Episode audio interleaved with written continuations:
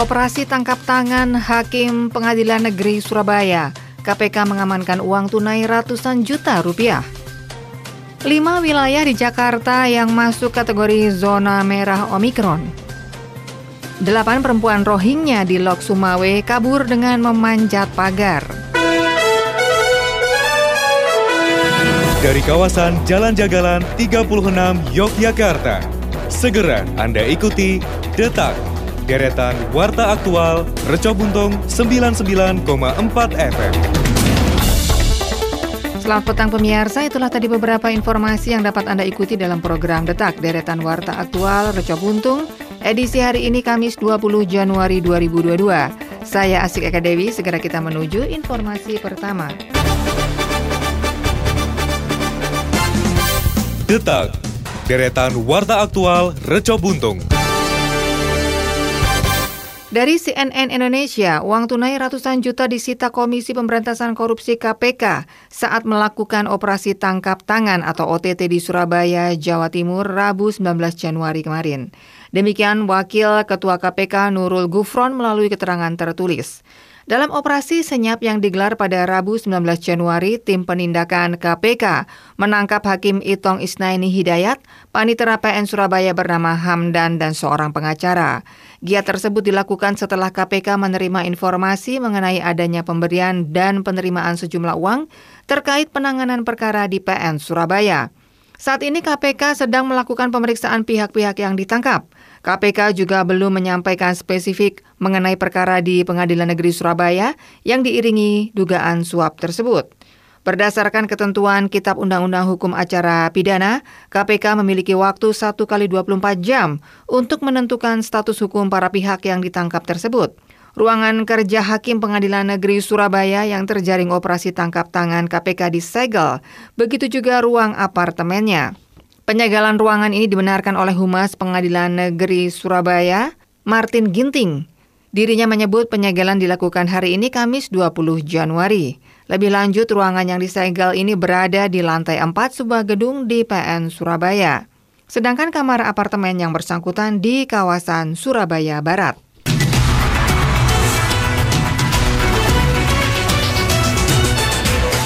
Pemirsa penyebaran virus corona COVID-19 varian Omikron di DKI Jakarta semakin masif.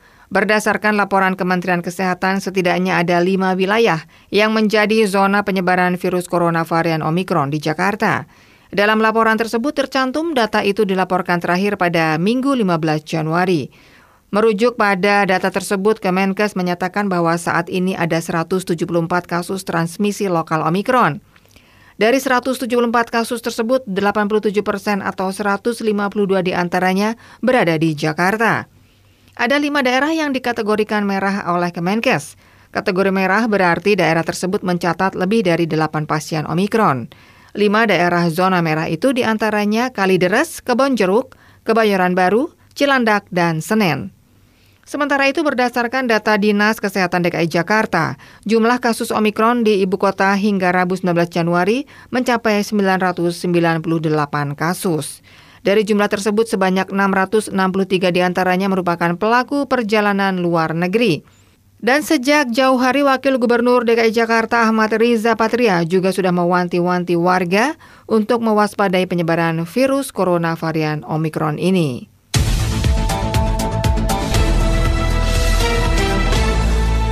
Pemirsa dari CNN Indonesia, delapan orang pengungsi Rohingya yang berada di shelter BLK Desa Meunasah Me, Kecamatan Muara II, Lok Sumawe, Aceh, kabur dengan cara memanjat pagar.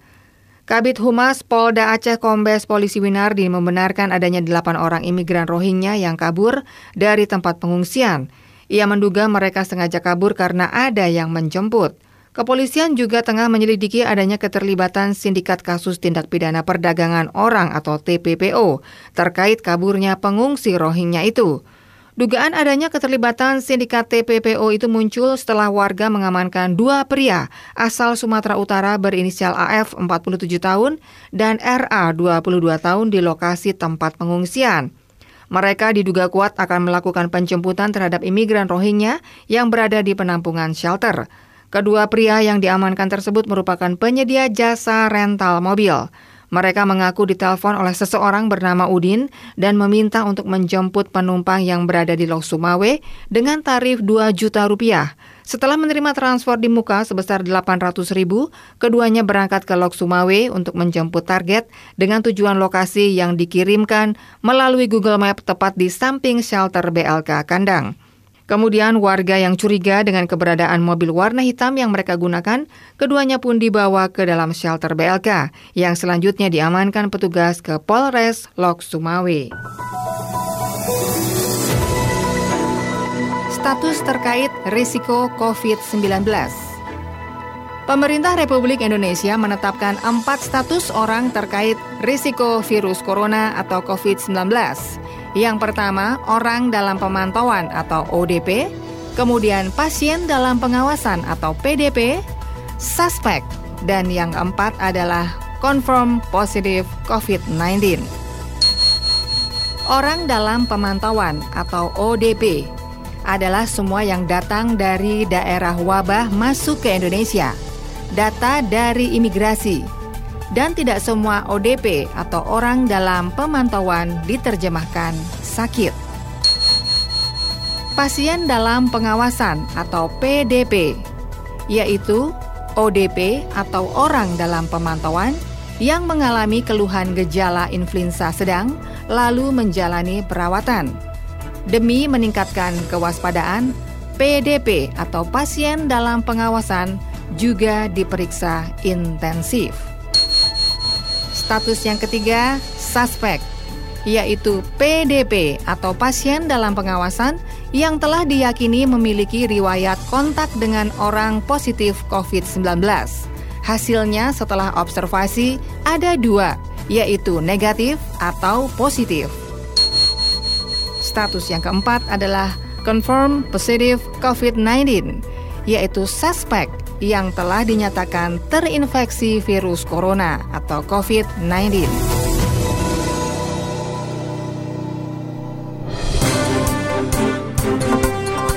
Pemirsa, kita hentikan sejenak detak reca buntung untuk kita ikuti kumandang adzan maghrib untuk daerah istimewa Yogyakarta dan sekitarnya.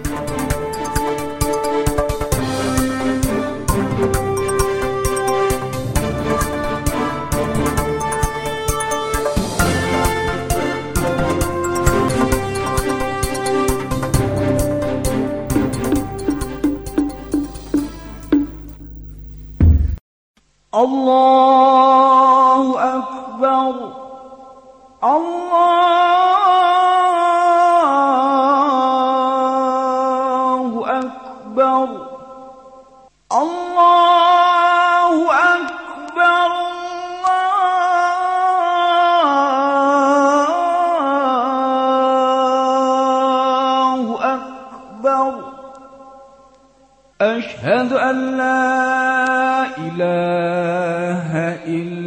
الله.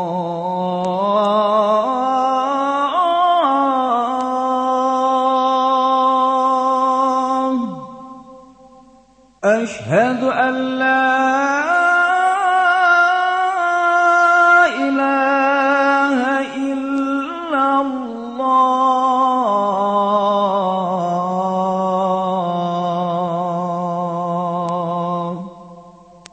أشهد أن محمدا رسول الله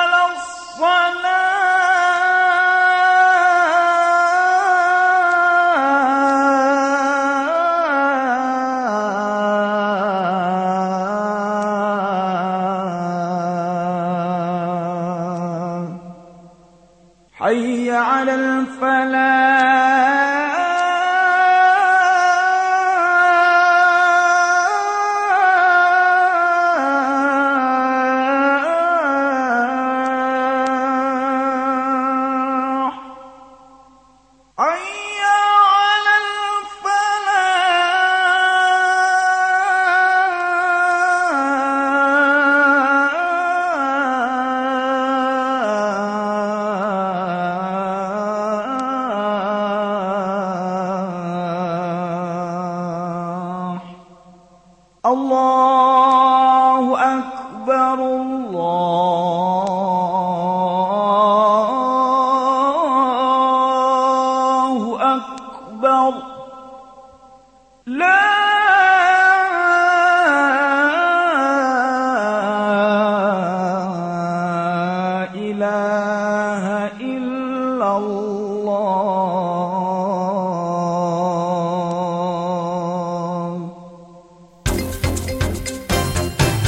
Pemirsa, kembali Anda ikuti Detak, deretan Warta Aktual Reca Buntung.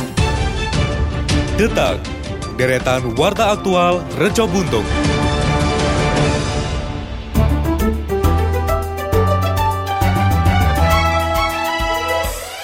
Baik pemirsa, masih Anda ikuti Detak, deretan Warta Aktual Reca Buntung bersama saya Asik Eka Dewi. Segera akan hadir rekan-rekan reporter yang akan menyampaikan beberapa berita daerah di segmen Jogja Selintas. Baik, terima kasih rekan Asik Eka Dewi. Pemirsa Jogja Selintas, kami awali dari Sleman. Hujan deras disertai angin kencang mengguyur wilayah Kabupaten Sleman pada Rabu sore hari. Debit air yang melimpah mengakibatkan sungai Perengan di Gondong Lutung, Donoharjo Ngaglik meluap ke Jalan Palagan hingga masuk ke permukiman warga. Sedikitnya dua rumah warga dilaporkan terendam banjir. Rumah pertama adalah milik Ngatini yang dihuni oleh dua jiwa. Demikian dijelaskan oleh Kepala Pelaksana BPBD Sleman Makwan. Menurutnya, air yang masuk ke dalam rumah sudah dipompa keluar dan lumpur di kamar tidur, ruang keluarga hingga ruang tamu telah dibersihkan. Rumah kedua yang terendam banjir adalah milik Sasmito Hadi yang ditinggali empat jiwa. Ketinggian air di rumah Sasmito setinggi tulang kering kaki orang dewasa. Dan kini banjir menurutnya sudah terkondisi. BPBD juga sudah memberikan bantuan logistik pangan dan non-pangan bagi korban banjir. Selain dua rumah terendam banjir, update situasi hingga pukul 19.05 waktu Indonesia Barat kemarin, dampak hujan disertai angin kencang yang melanda Kabupaten Sleman mengakibatkan sejumlah kejadian. Di Candi Binangun, pohon sengon tumbang menimpa kabel listrik. Kejadian serupa juga terjadi di Pandowo Harjo. Pohon jati berdiameter 30 cm tumbang dan menimpa jaringan listrik. Masih di Kelurahan Pandowo Harjo, tepatnya di Jetis, Jogopaten, RT 2 RW 30. Akibat hujan deras, Kalidoso meluap ke sawah dan ke jalan hingga mengakibatkan bahu jalan 0,5 kali 3 meter tergerus air. Kemudian Kerandon RT 1 RW 43, talut ambrol menutup aliran selokan. Sementara di Kelurahan Donokerto, Kapaniwon Turi, pohon mindi berdiameter 10 cm tumbang melintang di jalan dan kini sudah terkondisi. Kita beralih ke Kulon Progo.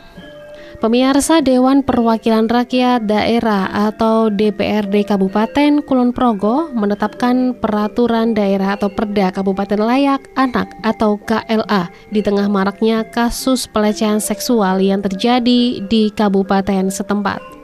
Ketua DPRD Kulon Progo Ahid Nuryati mengatakan meski Perda KLA dari hasil fasilitasi gubernur baru saja ditetapkan namun tidak bisa berjalan tanpa adanya peraturan bupati atau perbub sebagai acuan organisasi perangkat daerah terkait untuk menjalankannya. Kendati demikian, ia berharap OPD tidak hanya terpaku menunggu perbub tersebut. Dirinya juga merasa prihatin ketika melihat munculnya beberapa kasus di Kulon Progo belakangan terakhir dan sangat bertentangan dengan Perda KLA tersebut. Dengan diterbitkannya Perda KLA, harapannya Perda tersebut bisa menjadi payung hukum bagi seluruh masyarakat di Kulon Progo agar lebih terjamin terutama ibu dan anak dalam mendapatkan hak-haknya yang layak serta bukti instrumen bagi organisasi perangkat desa atau OPD yang membidangi dari sisi penganggaran. Ahid juga mengimbau kepada semua pihak agar meningkatkan kewaspadaannya dan pengawasan terutama bagi orang tua yang memiliki anak perempuan.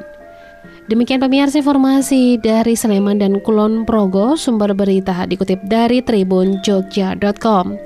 Saya Meida Mara dan kita beralih ke berita Kota Yogyakarta yang akan disampaikan oleh rekan dari Pradita. Silakan dari. Baik, terima kasih Meida Mara. Pendengar Pemkot Yogyakarta menargetkan vaksinasi booster bagi lansia di kota Yogyakarta selesai pada bulan Februari 2022. Wakil Wali Kota Yogyakarta Heru Porwadi menyatakan, untuk vaksinasi booster lansia, pihaknya mengerahkan beberapa sentra, di antaranya di Museum Monumen Pangeran Diponegoro, SLB Negeri Pembina, maupun di Balai Kota Yogyakarta. Vaksinasi booster juga dilaksanakan di 11 rumah sakit di kota Yogyakarta. Sedangkan calon penerima vaksin booster dilakukan berdasarkan undangan. Heru Perwadi menyatakan percepatan vaksinasi booster bagi lansia ditujukan untuk mengantisipasi potensi peningkatan kasus COVID-19. Untuk itu, pihaknya juga melibatkan wilayah, baik kementerian dan RT RW. Wakil Wali Kota Yogyakarta juga menyatakan secara data administrasi, jumlah lansia di Kota Yogyakarta sekitar 44 ribu orang. Sedangkan pada vaksinasi COVID-19 dosis 1 dan 2 ada sekitar 51 ribu orang karena sebagian bukan penduduk kota Yogyakarta. Heru Purwadi juga menyatakan pada awalnya data lansia yang bisa ditarik dari sistem data PIKER dan Peduli Lindungi serta yang memenuhi syarat untuk divaksinasi booster di kota Yogyakarta hanya sekitar 24 ribu orang. Namun sekarang akses data sasaran vaksinasi semua lansia dari Peduli Lindungi sudah dibuka sehingga selanjutnya akan diserahkan kepada wilayah baik RT RW untuk menyebarkan undangan vaksinasi booster. Selanjutnya, Ketua Harian Satuan Tugas Penanganan COVID-19 Kota Yogyakarta Heru Purwadi juga menyatakan setelah warga lansia, vaksinasi booster juga akan menyasar bagi petugas pelayanan publik, baik guru maupun aparatur sipil negara. Jumlah sasaran vaksinasi booster dari guru di kota Yogyakarta sekitar 5.000 orang. Selanjutnya, setelah pelayanan publik, sasaran vaksinasi booster adalah seluruh warga. Pemberian vaksinasi booster nantinya juga dilakukan secara bertahap sesuai dengan ketersediaan vaksin. Di sisi lain, Kepala Dinas Kesehatan Kota Yogyakarta, Emma Ramih Aryani, menyebutkan dalam sehari sentra vaksinasi booster di Monumen Diponegoro dan SLB Negeri Pembina memvaksin 600 orang tiap rumah sakit 50 orang dan diadakan di 11 rumah sakit di kota Yogyakarta. Kemudian 50 orang di balai kota pada saat pencanangan vaksinasi booster. Dengan demikian, sampai dengan hari Rabu 19 Januari 2022, total lansia di kota Yogyakarta yang sudah divaksinasi booster mencapai 5.300 orang. Pendengar Pemda DIY akan mengoptimalkan sinkronisasi pembangunan dengan pusat. Menurut Kepala Bapeda DIY Beni Suharsono, saat menerima kunjungan Dirjen Bina Pembangunan Daerah Kemendagri di Gedung Pracimosono Komplek Kepatian Yogyakarta, Rabu 19 Januari 2022, visi RPJM DIY 2005-2025 adalah mewujudkan DIY sebagai pusat pendidikan budaya, dan daerah tujuan wisata terkemuka di Asia Tenggara dalam lingkungan masyarakat yang maju, mandiri, dan sejahtera. Sementara tema RKPD DIY tahun 2022 adalah pengembangan SDM unggul dan sektor strategis untuk pemulihan sosial ekonomi di DIY.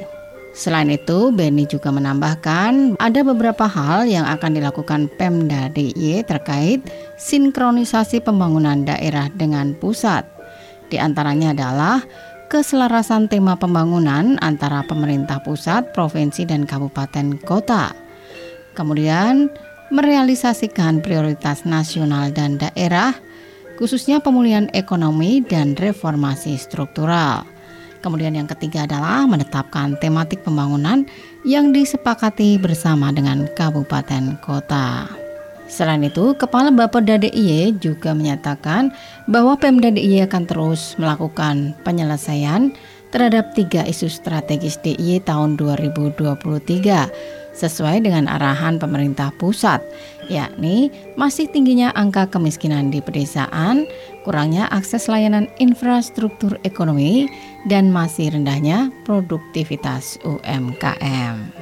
Di sisi lain, PLT Dirjen Bina Bangda Kemendagri Sugeng Haryono menyatakan beberapa kebijakan yang akan ditindaklanjuti bersama di antaranya adalah Undang-Undang Cipta Kerja. Sebagai contoh, untuk daerah terkait proses retribusi hingga persetujuan IMB.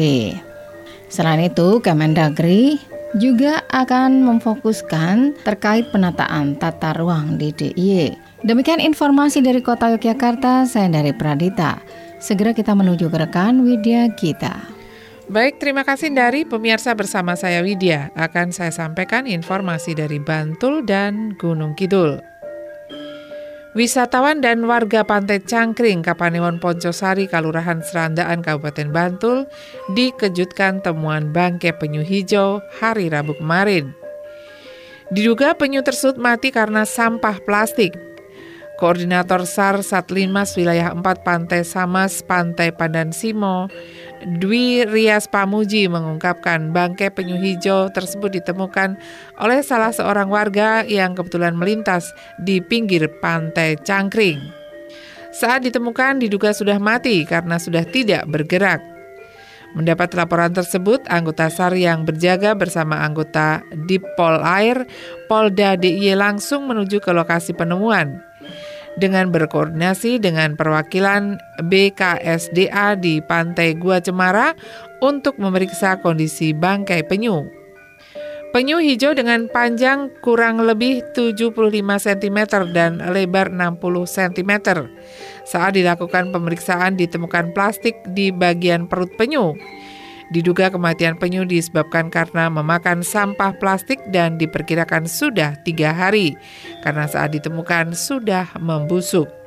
Tindakan selanjutnya, bangkai penyu dikubur di pinggir pantai untuk menghindari bau menyengat.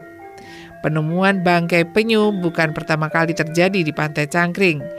Namun untuk kondisi penyu mati dengan mulut penuh plastik terbilang jarang dan penyebab penyu memakan plastik dikarenakan banyak sampah plastik dari sungai yang terbawa hingga ke laut selatan.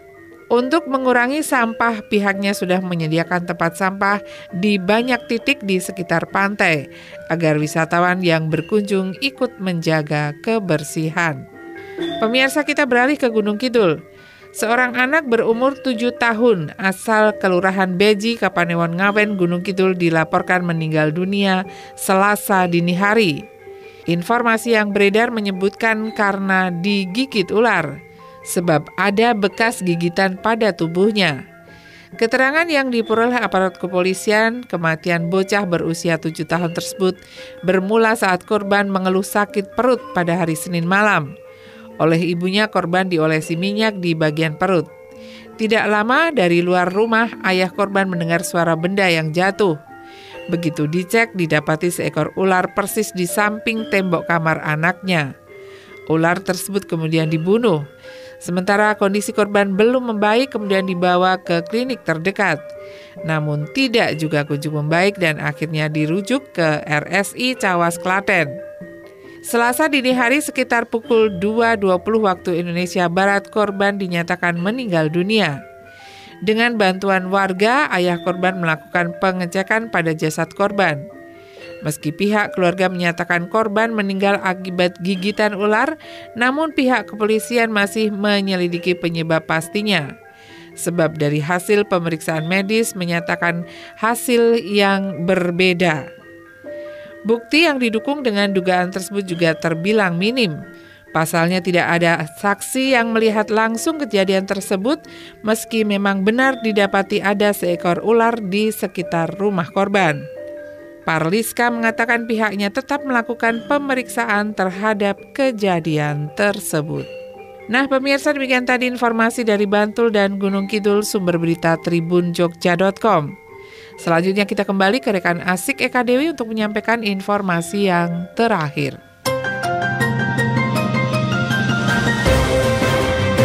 Terima kasih untuk rekan-rekan reporter yang sudah mengabarkan informasi di segmen Jogja Selintas. Dan pemirsa, sekarang kita sampai ke informasi yang terakhir. Detak, deretan warta aktual Reco Buntung. Dari Tribun Jogja.com, Museum Bahari Yogyakarta merupakan museum yang berdiri sejak 25 April 2009. Museum tersebut didirikan oleh seorang prajurit TNI Angkatan Laut yaitu Laksamana Madya Purnawirawan Yedidi Heru Purnomo. Sayangnya, museum yang terletak di Jalan R.E. Marta Dinata Wirobrajan Yogyakarta tersebut tidak banyak dikunjungi, bahkan menjadi museum dengan kunjungan paling sedikit di kota Yogyakarta. Hal itu pun dibenarkan oleh pengelola sekaligus Kepala Museum Bahari, Pelda Purnawirawan Suyanta kecuali pengunjung banyak saat tahun ajaran baru di mana sekolah mewajibkan mengunjungi museum. Kemudian jika ada wajib kunjung museum dari Dinas Kebudayaan, namun jika dari masyarakat umum sangat sedikit sekali.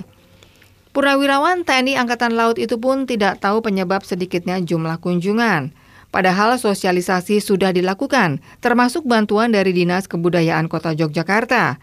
Harga tiket museum pun sangat terjangkau, yaitu 2000 saja.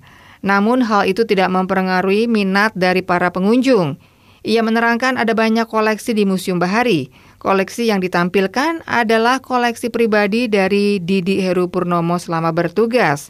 Namun ada pula koleksi yang berupa pinjaman seperti peluru kendali. Museum tersebut terdiri dari ruang koleksi, sedangkan lantai dua berisi replika kamar perang, jangkar, radar navigasi, tanda pangkat, dan lain-lainnya. Ada pula anjungan yang terletak di depan museum. Anjungan tersebut untuk mengoperasikan kapal. Di dalamnya juga ada peta laut, radar navigasi, peralatan untuk pelayaran. Mulai Januari 2022 ini dibuka kembali. Sejauh ini Dinas Kebudayaan Kota Yogyakarta sudah memberikan pendampingan dengan baik dan juga pelatihan.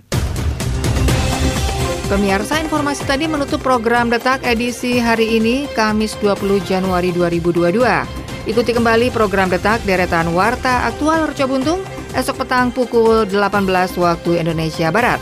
Radio lawan COVID-19. Jangan lupa cuci tangan pakai sabun, jaga jarak, jangan berkerumun, gunakan masker, dan lebih baik di rumah saja. Saya Asik Eka Dewi, selamat petang dan sampai jumpa. Pemirsa, telah Anda ikuti Detak, deretan Warta Aktual, Produksi, Tercobuntung 99,4 FM.